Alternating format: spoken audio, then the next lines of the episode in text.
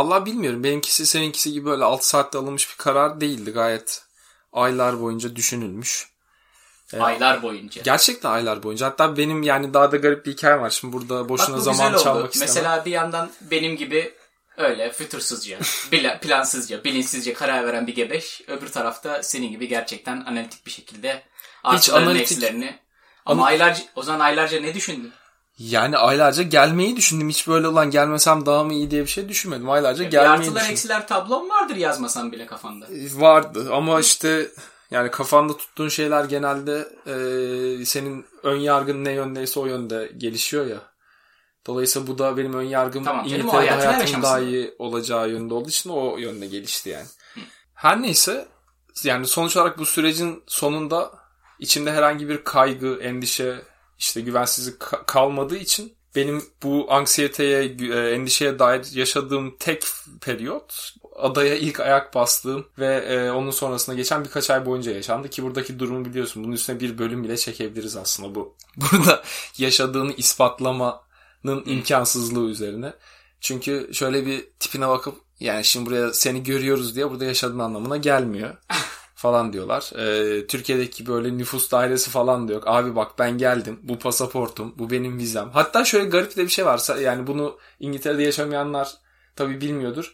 Türkiye, işte Türkmenistan, Tacikistan falan gibi yerlerden e, haritada gösteremedikleri yerlerden İngiltere'ye geliyorsanız polis kaydı diye bir şey var. Gidip polise bak ben burada yaşıyorum ha diye bir kayıt yaptırıyorsunuz. Ve bu ya- polise yaptırdığınız kayıt bile aslında sizin nerede yaşadığınızın ispatı sayılmıyor. Öyle öyle garip bir ülke. Hiçbir kurum onu bir e, belge olarak saymıyor.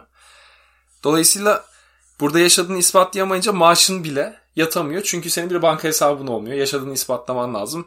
Banka hesabın olabilmesi için üstünde fatura olması lazım. Faturan olabilmesi için bir evde yaşıyor olman lazım. Evde yaşayabilmen için de bir banka hesabı göstermen lazım. Tam bir catch Şahane 22. bir Evet. Kısır döngü.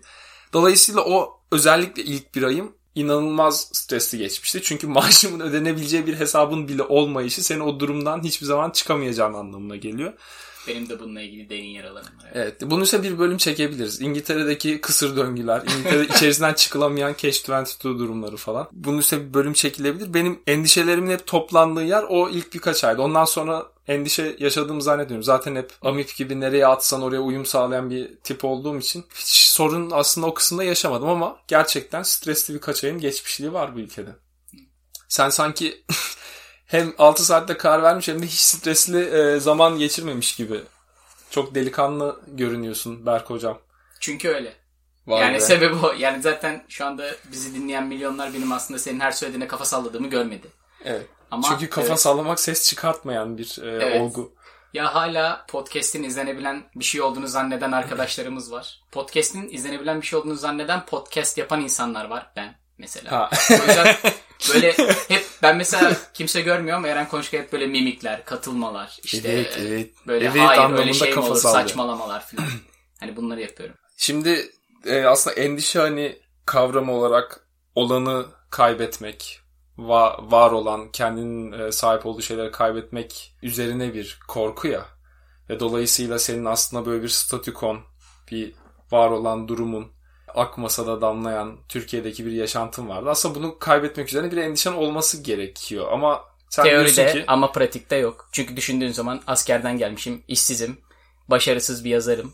Dolayısıyla düşündüğün zaman zaten geleceğe dair hiçbir umudum, beklentim yok. En büyük başarım muhtemelen Bu arada başarısız bir yazar olmanın askerden dönmüş olmanla falan alakası yok. O zaten yetenekle alakalı bir şey. o başarısızlığın senin içinde bulunmuş olduğun durumla alakası yok. Ayrıca şöyle bir inancın olduğunu da hissediyorum. Sanki böyle sıfırı sıfırı tüketmiş, dibe vurmuş birisi olarak underground edebiyattan böyle alır yürürüm. İşte bir Chuck Palahniuk, bir işte ne bileyim William Burroughs falan olurum düşün diye düşünmüşsen orada yanılıyorsun. Ya işte evet yani öyle Türk düşündüm. otosanayinden Chuck Palahniuk çıkmaz acı. Evet zaten o alanda yazmaya çalışıyordum. Olmadı. Dediğin doğru aslında. Yani sadece şunu söylemeye çalışıyorum. Endişem yoktu.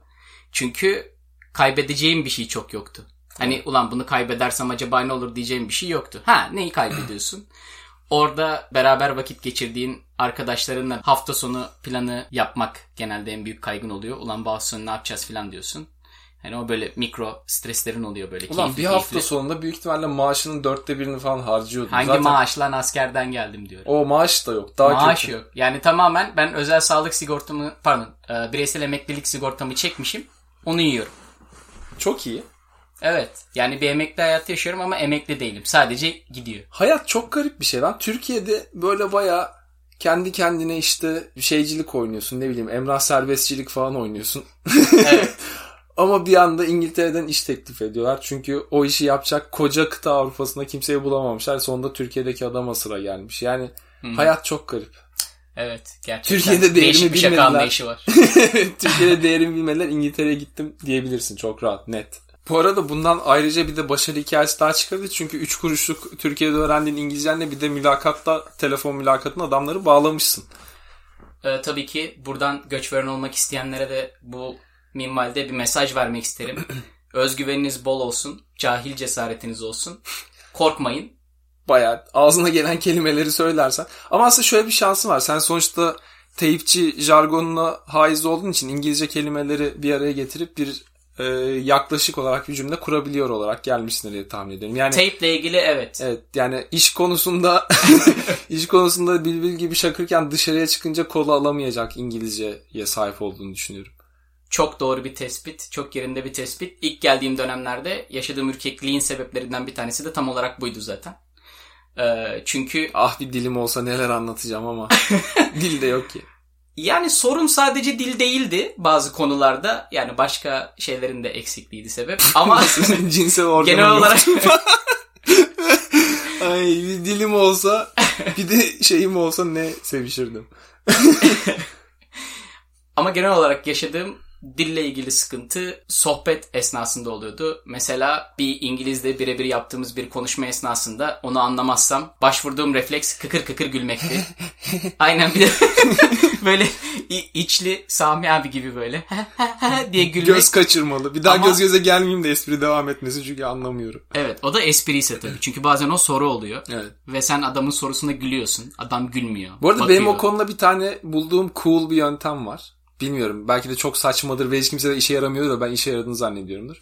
Tabii umarım geçmişte kalmıştır. Hala yapmıyorumdur ama e, bir zamanlar konuyu anlamadıysam, espriyi bile anlamadıysam birisi bana bir şey söylese eğer çok ısrarcıysa gözümün içine bakma konusunda I don't know, I don't know falan. Çünkü bu her seferinde işe yarıyor yani. yani. Bilmiyorum dostum falan gibi bir anlamı var ya. Hmm. Enteresan bir teknikmiş Evet. gerçekten. İşe yaradığını canlı olarak görmeyi çok isterim. Evet. Çünkü hiç işe yarayacak bir teknik gibi gelmedi. Yok ya bana. belki o da şaşkınlıkla devam ettiremiyordur da ben de oldu zannediyorumdur ama Evet muhtemelen bu hayvanların e, kendilerini savunmak için girdikleri tonic immobility dedikleri bir durum var ya. Korkuyor böyle hayvan kasılıp kalıyor. evet. Sanırım öyle bir şey yaşıyor İngilizler sen öyle gülünce ve bir tepki veremiyorlar. Yalnız e, sayın e, sayın sayın dinleyicilerimiz kesinlikle bu I don't know yöntemini şeyde denemeyin. Almanya'da denemeyin. Gümrükte yok yok. Gümrükte denemeyin. Yani işte what's your purpose of visiting this I don't know. Konuyu geçiştirebileceğinizi zannetmiyorum. O yüzden e, dikkatli olalım. Peki vücut dilinde bir gelişme oldu mu ilk aylarda? Çünkü hiçbir şey anlatamayınca bir e, el kol göğüs falan yöntemiyle Tabii ki anlatmaya oldu. girişiyorsun. Adeta bir pandomim sanatçısına dönüştüm. İnanılmaz iyi anlatmaya başladım vücut dilimle. Arzu ettiğim şeyleri. Ee, şu anda mesela etrafımız sen de takdir edersin ki yaşımızdan mütevellit bebeklerle dolu. Ha, evet. Ee, yanımız etrafımız evli Bebek çiftlerle dediği dolu. bebek gibi kızlardan bahsediyor. Aa, hayır. Gerçek bebek böyle 2 3 4 yaşında yeni konuşmaya başlayan ve konuşmaya başlayamayan ve o Evet. gerçek bebekler mesela hani konuşamazken böyle parmaklarıyla işaret ediyorlar ya istedikleri şeyi. İşte ben de mesela İngiltere'ye geldiğim ilk dönemler en başta benim İngilizcemi neden anlamıyorlar diye içten içe sinirleniyordum. Daha sonradan da artık Bunu yavaş onların yavaş bir eksikliği olarak da görüyor muydun böyle? şu anda görüyorum. Eskiden öyle görmüyordum. Eskiden sorun bende zannediyordum. Şu an artık 5 sene sonra anladım ki hiç sorun çok bariz Bu İngilizlerde. arada ben bazı şey evet yani o konuda haklısın bazı şeyler de cidden artık oha diyorum. Çünkü bana bir tane böyle tatlı gerçi ne kadar tatlı dilli bir İngilizcemiz var onu tartışırız ama tatlı dilli bir yabancı gelip Türkçe e, şu var mı falan dese su var mı dediğini yani en azından ikinci tekrarında anlarım. Ama burada özellikle Essex'imizde T'lerin e, telaffuz edilmemesinden mütevellit adamdan su isterken Can I, have some, can I have some water? dediğim zaman "Hı" falan yapınca böyle wow deyince anlaması falan bunlar yani yuh lan ben senden barda ne istiyor olabilirim ya? W ile başlayan bir şey söylüyorum ne olabilir yani?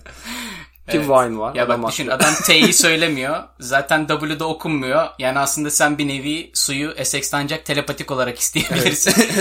Kelimeyle isteyemezsin. Lık lık lık ses çıkarsam o da zaten Türkçe bir sestir sanırım. Evet, aynen öyle. Dediğim gibi yani ilerleyen safhalarda artık sorunun sende olmadığına inanmaya başlıyorsun.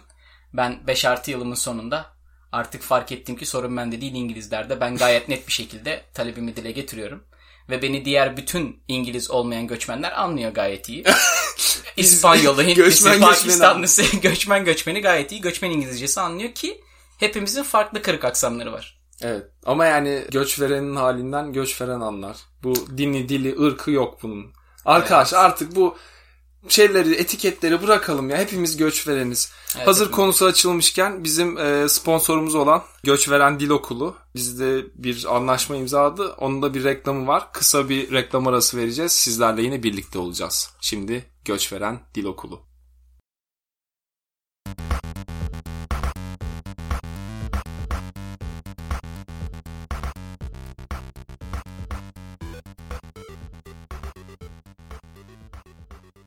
Hey sen.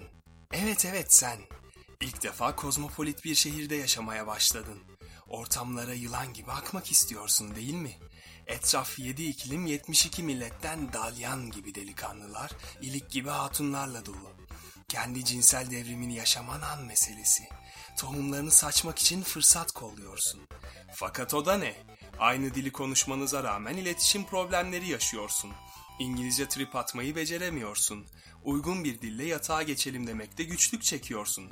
Paniğe gerek yok. Göç veren dil okulu her konuda olduğu gibi yine yanında. Ne demek istedi şimdi bu derdine son? Tecrübeli öğretmen ve ilişki koçu kadrosuyla sana bir telefon kadar yakın. Artık ona mesaj atarken yalnız değilsin. İlişkilerde veren taraf hep siz olmayın diye Göç veren dil okulu.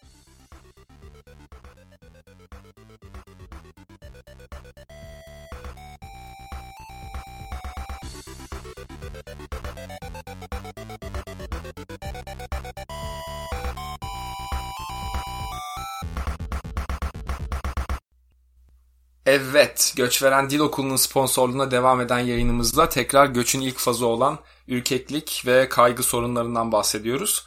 Hocam aynı zamanda siz bu baby boomer kuşağının yetiştirdiği bir evlat olarak özellikle 80 Türkiye'sinde 80'ler Türkiye'si dünyaya gelmiş bir çocuk olarak riskten en uzak durması gereken, siyasete bulaşmaması gereken, adam gibi edebiyle oturan çocuk olması gereken bir insansınız ve buna rağmen çok riskli görülen bir harekete e, girişip başka bir ülkeye gittiniz. Peki bu hayatı boyunca riskten uzak durmuş, hayatı boyunca kafasını kaldırmamış bir e, neslin evladı olarak buradaki hayatınızda riskli bulduğunuz şeyler var mı? Artık yok. Çünkü sürekli bir kıyas içindeyiz. Aslında bu da başka bir faz, daha derince işleyeceğimiz. Ama kısaca değinmek gerekirse kıyas sizi bu duyguya sürüklenmekten alıkoyuyor. Neyle neyi kıyas ediyorsun? Türkiye'deyken geleceğe dair beklentilerim ile buradayken ki geleceğe dair beklentilerimi kıyaslıyorum. Nedir bunlar? Türkiye'deyken Şöyle- geleceğe dair beklentilerin nelerdi mesela? Yok.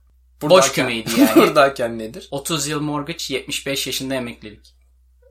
Ee, yani Şimdi bu bir hedef gibi gelmeyebilir en başta. Şu anda pek çok göç veren ama tutkunu takip et.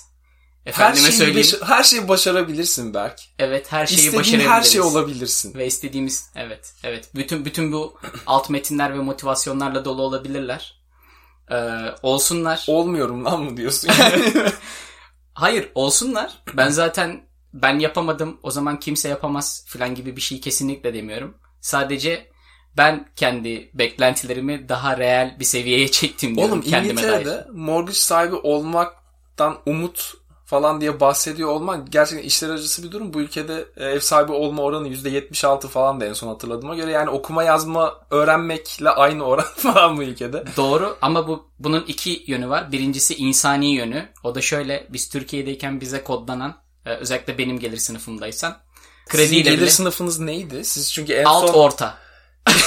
siz çünkü en son gelirsiz bir insan olarak hayatınıza devam ediyorsunuz. İşte dolayısıyla alt orta. Yani alt tam olarak değil. Alt çünkü devletin tanımlaması ortada seni görmek istediğin olarak algılıyorum. ya ben hep böyle alt Sonra beyaz yaka olup orta. Sonra e, askere gidip gelip yeniden alt olduğum için kendimi alt orta olarak tanımlıyorum. Ee, bir yanlışı düzeltmek isterim. Ee, biz göç verenlerin e, Türkiye'deki yaşantısını orta sınıf Türk olarak görüyor oluşu büyük bir yanılgı olduğunu düşünüyorum hocam. Çünkü orta Ya, sınıf olmak evini arabasını almış gayet işte her akşam yemeğinde hangi fine dining restoranına gitsem acaba diye düşünmeyi gerektirir. Biz bunu zengin hayat zannediyoruz ki bu orta sınıf hayatı dünyada. Zengin hayat dediğin şey de bunların hiçbirisini düşünmeden zaten ortam olarak her akşam bulunduğun işte fine dining restoranına gitmeyi plan olarak yapmadığın da zaten günlük normun haline geldiği zaman zengin olunmuş oluyor. O yüzden sen alt alt sınıf alt orta değil altın altın ortası bile değil altın alt Ee, bizim çalışan sınıf tabir ettiğimiz sınıftansın hocam. Tamam. O zaman gerçekleri suratıma çarptığın için teşekkür ederim. Ama bu podcast'in maksatlarından bir tanesi de zaten fikirleri çarpıştırıp doğruya erişmek. Evet. O yüzden teşekkür ederim Eren Hocam. Ee, alt alt diyelim o zaman. Birincisi bana bu kodlanmış çaresizlik vardı. Burada orta sınıfa dahil olma adeta. ihtimalini sevdiniz yani. Yok burada zaten direkt bir nevi orta sınıf olduk sayılır. Ya da en azından burada gerçekten alt orta olduk diyebilirim. Şimdi işin ikinci ayağı şu duygusal yönünden ayrılırsak. Burada senin mortgage alabilmen için e, senin geçmişin kontrol ediliyor. Senin geçmişini kontrol ediyorlar. Aynen öyle geçmişini kontrol ediyorlar. E, hala bir işin var mı diye bakıyorlar. Ha, aynı zamanda da kaç yaşındasın ve kaç sene daha çalışabilirsin diye bir hesap yapıyorlar. Dişlerine bakıp kontrol ediyorlar. Bunun bir 40 senesi daha var. ve ve buradan e, bir projeksiyon gerçekleştirip sen bu mortgage'ı bankaya faiziyle beraber geri ödeyebilir misin diye bir denklem çıkartıyorlar. Eğer sonuç yeşil ise sana o mortgage'ı veriyorlar. İşte ben o yeşil tayfın içine düşebilme ihtimalini seviyorum burada. Dolayısıyla o yüzden benim için burada 30 yıl mortgage ödemek bir adeta umuttur. Yani- Ve bu arada şunu da söylemek isterim. Etrafımızdaki diğer göç veren kardeşlerimden de fark edeceğin üzere burada sadece benim için değil genele baktığın zaman da mortgage bir umuttur. Evet, bir sonraki parça Yüksek Sadakat'ten ihtimaller Denizi. Bu arada Çünkü bu bir ihtimaller denizi, bir umut denizi gibi geldi bana. Evet doğru ama şuna da değinmek isterim. Hayallerimizi daha da genişletebiliriz. Mesela benim benimkine benzer hayalleri olup bunu çatallandıran arkadaşlarım da var. Şunu demek istiyorum. Diyor ki evet ben de 30 yıl mortgage'a gireceğim. Ara ödemeler yapacağım. Zaten o sırada kariyerimde de yükseleceğim. 15 senede mortgage'ımı bitireceğim. Buradan bireysel emekliliğimi tamamlayacağım ve çalışmaya devam edeceğim. Ondan sonra 60 ila 65 yaş arasında emekli olacağım ve gidip Türkiye'de güneyde bir yere yerleşeceğim. Hayali olan çok Vay fazla başka arkadaş göç verenlerim de var. Ben yarısında sıkıldım lan bu hayalden. Yani bunu yaşamayı düşünemiyorum bile. Şunu 15 saniye anlattın, yarısında Senin- sıkıldım. Senin hayallerin nedir mesela Eren? O zaman yani, Yani, benim bu ülkeye dair en büyük umudum e, ki bunu aslında bu bir sonraki e, bölümün konusu ama yine de çok kısa değineyim. kontrolü Ee, geri almak. Yani yo yo kay, kay- hani kaygılarımdan kurtulmuş olmanın büyük sebeplerinden birisi yani en azından Brexit'te bozulmazsa ekonomik iklim ve özellikle küçük işletme, kobi e, iklimi çok verimli olduğu için ben yırttık abicim yırttık tayfasına dahil olmanın çok daha kolay olduğunu düşünüyorum. O yüzden hani ben nasıl söyleyeyim yüksek teknolojiye dair bir iş başlatıp burada başarılı olabilme ihtimalimin Türkiye'dekinden daha fazla olduğunu düşünüyorum. Benim umudum mesela bu yönde. Böylece ben bir çeşitlilik. Lan. Yo bence gene çok güzel bir çeşitlilik çizdik burada da. Ben mesela e, Türkiye'de SSK'lı Bağkurlu olmayı isteyen kişilere daha çok motive ederken sen yeni nesil ben girişimci olurum. E, evet. baba parası yiyen itleri temsil ediyorsun. Yok yok hayır gerçekten samimi söylüyorum. Yani Türkiye'deki girişimci olmak isteyip kendi işini kurmak isteyip daha işle ilgili fikrini tam oturtmadan WeWork'te ofis tutup oh yeah. evet kapitali yiyen gençlere hitap ettiğini düşünüyorum. Böylece Ya, şu sıralar bir projeyle ilgileniyorum ya. Proje üstünde çalışıyorum. evet Ya bir app, app üstünde çalışıyorum ya. evet çılgın bir App hiç neyle ilgili düşünülmemiş. e, söyleyemem. Yani şey çünkü e, fikri çalabilirler o yüzden söylemiyorum. Evet, evet. pek çok girişimci de de sıkça gördüğümüz maalesef. Ve yani neyse bu girişimcileri gömmeyi bırakacağım. Onun için ayrı bölüm çekeriz. Girişimcileri gömmüyoruz ya. Türkiye'deki girişimci profili birazcık sadece dünyadaki diğer girişimcilerden Tırt. farklı. Her neyse e, yani bu, e, Bu arada kaygı... Serdar Kuzuoğlu'na söz hakkı doğdu. Eğer Serdar Kuzuloğlu bence bizimle aynı şeyi söylüyor. Çok da ona söz hakkı doğmadı. O ancak bize e, gençler haklı falan der diye tahmin ediyorum. Hmm. Son olarak bu başlığın son konusu olacak. E, bu ürkeklik, güvensizlik sana e, arada bir şey dedirtiyor mu? Ulan neyse kaybedecek bir şeyimiz yok. CV'ye yazarız geri döneriz ne olacak dedirtiyor mu? Tabii dedirtiyor. Hatta ben ilk geldiğim zaman benim zaten bütün maksadım buydu. Şimdi şöyle İngiltere'ye CV'ye geçerim. aynen öyle. İngiltere'ye gelirken size 3 yıllık bir çalışma vizesi veriyorlar. O zamanlar öyleydi şimdi değişti. Ondan sonra bir 3 yıl daha uzatıyordunuz ve 5 yıl sonra kalıcı göçüm hakkına başvurabiliyorsunuz. Bu arada yani 3 artı 3 6 yapıyor 5 demesinin sebebi de yani 5 sene sonra hakkınız doğuyor. İstersen 6 sene beklersin. Evet yani malsan beklersin. Genelde ama yani böyle daha günü geçmeden yani ben 24 saat dolduğunda şaka yapmıyorum gerçekten kayıtlarım var gösterebilirim. 0001'de falan formu göndermiştim. Ee, hani böyle dakikası geçmeden başvurumu yaptım yani kalıcı göçümle ilgili. Ve dediğim gibi ilk geldiğim zaman planım tamamen oydu. 3 sene gelirim burada çalışırım geri dönerim ülke müdürü olurum diye düşünüyorum. Düzeltiyorum. Ülkede geri döndüğümde Türkiye'deki bir şirkete müdür olurum diye ümit ediyordum. Kariyer planımı bu yönde çizmiştim. Ülke müdürü büyük bir hayal tabii. Ama neden olmasın Türkiye'de yönetim sürekli Aslında değişiyor. Türkiye ülke müdür gerekli la. Düşündüm. Yani böyle bak okul müdür ya müdür değil. Okul müdür yardımcılarını düşün. Ülkede öyle bir adam olması lazım ama bunun E vardı böyle- eskiden başbakan diyorduk artık yok. Hayır öyle değil. Her şey yani tam yine her şeyine karışan çeşitli yüksek mevkilerde insanlar var da daha da her şeyine karışan. Yani tuvaletleri niye pis bıraktınız falan diye gelip evinde mesela seni rahatsız edecek bir müdür yardımcısına ihtiyacımız var ülke olarak. Hmm. Evet. Anladım. Ve yani aslında bir, şöyle bir durum var. İngiltere'deki mesela en büyük benim eksikliğini hissettiğim şeylerden birisi bu. Ülke müdürü. Hayır, e, hani böyle her şeye Tuvaletler. her şeye karışan yaşlı amca ve teyze, toplu taşımadaki yaşlı amca teyze var ya, o burada yok hani.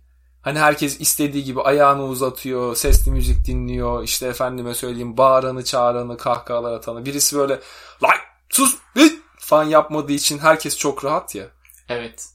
Maalesef öyle bir şey var. Hatta Bak daha muhtar spesifik yok, otobüs teyzesi yok, ülke müdür yardımcısı yok, hiçbir şey yok lan. Böyle serbest hayat mı olur? Ya aslında var ama onlar İngiliz değil. Yani mesela Ha. bu tarz hatalar Aa, yapan evet insanlar oluyor. Bana bir iki kere böyle metroda başıma geldi.